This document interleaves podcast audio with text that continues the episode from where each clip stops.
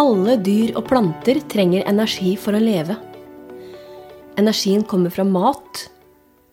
Men verken dyr eller mennesker lager sin egen mat. Vi må spise planter eller andre dyr. De grønne plantene derimot trenger ikke å spise andre. De lager nemlig sin egen mat. Det skjer gjennom en kjemisk prosess kalt fotosyntese. Velkommen til Naturfaghjørnet.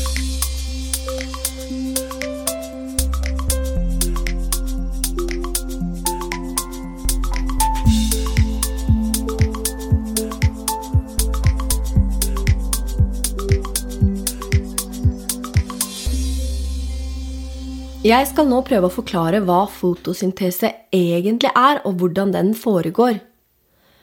Noen vil nok si at dette er den viktigste kjemiske prosessen som foregår på planeten. Fordi den gjør at vi har mat, og den gjør at vi kan puste. Men la oss starte med starten. Det plantene trenger til mat, er glukose, noe som også blir kalt druesukker. Det er et karbohydrat, et viktig næringsstoff. Hvordan lager de det?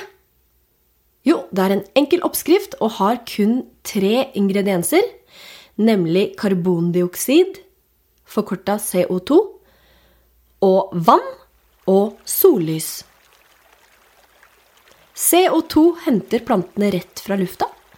Vannet henter de fra jorda gjennom røttene sine, og sollyset kommer fra sola. Fotosyntesen foregår i de grønne bladene. Bladene inneholder grønne små korn, kalt kloroplaster. Vi kan kalle kloroplastene for eh, sukkerfabrikker.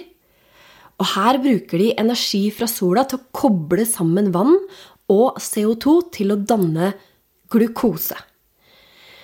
Og det gjøres ved hjelp av et fargestoff som heter klorofyll. Klorofyll kan ta opp energi fra sola, og er også grunnen til at planter har grønn farge. Når planten har lagd den maten som en trenger, så blir det et stoff til overs, nemlig oksygen. Noe av oksygenet trenger planta sjøl, men en god del slippes ut igjen i atmosfæren.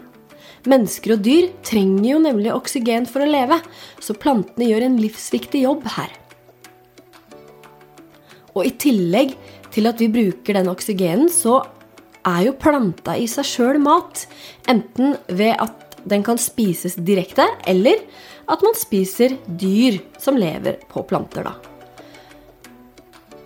Så bare for å ta en liten oppsummering. Fotosyntesen er altså en prosess der planter ved hjelp av sollys gjør om vann og CO2 til glukose og oksygen.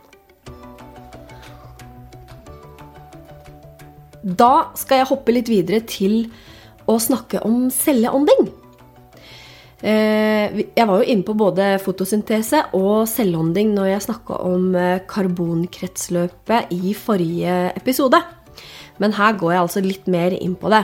Eh, selvånding er en prosess som, som er altså en del av karbonkretsløpet på samme måte som fotosyntesen. Men selvånding er det som skjer når energien fra plantene, eller altså den glukosen, skal brukes alle organismer utfører selvånding i en eller annen form eh, for å bruke energi, både dyr og planter.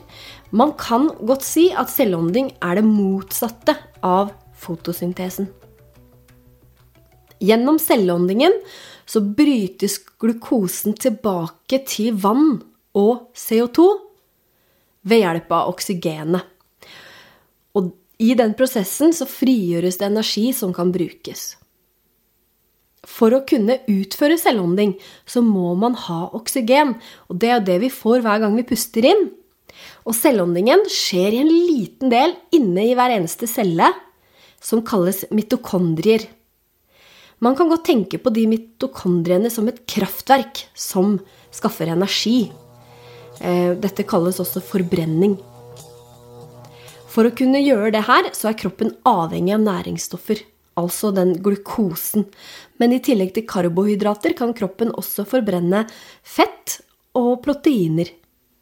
Når, eh, når denne prosessen med selvånding er over, vil CO2 slippes ut igjen i atmosfæren når vi puster ut. Og vannet som er til overs, skilles ut som urin. Kort oppsummert så er altså selvåndingen enkelt sagt det motsatte av fotosyntesen, og noe som alle organismer utfører.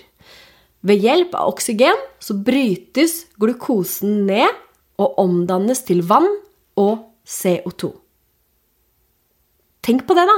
Hver eneste gang vi puster, så slipper vi ut en dose CO2 like etter at vi har tatt oksygen inn i kroppen vår. To stoffer som er en del av kretsløpet, og som har to helt forskjellige oppgaver. Er ikke kroppen vår ganske fantastisk? Det tror jeg er alt for denne gang. Til neste gang, vær nysgjerrig.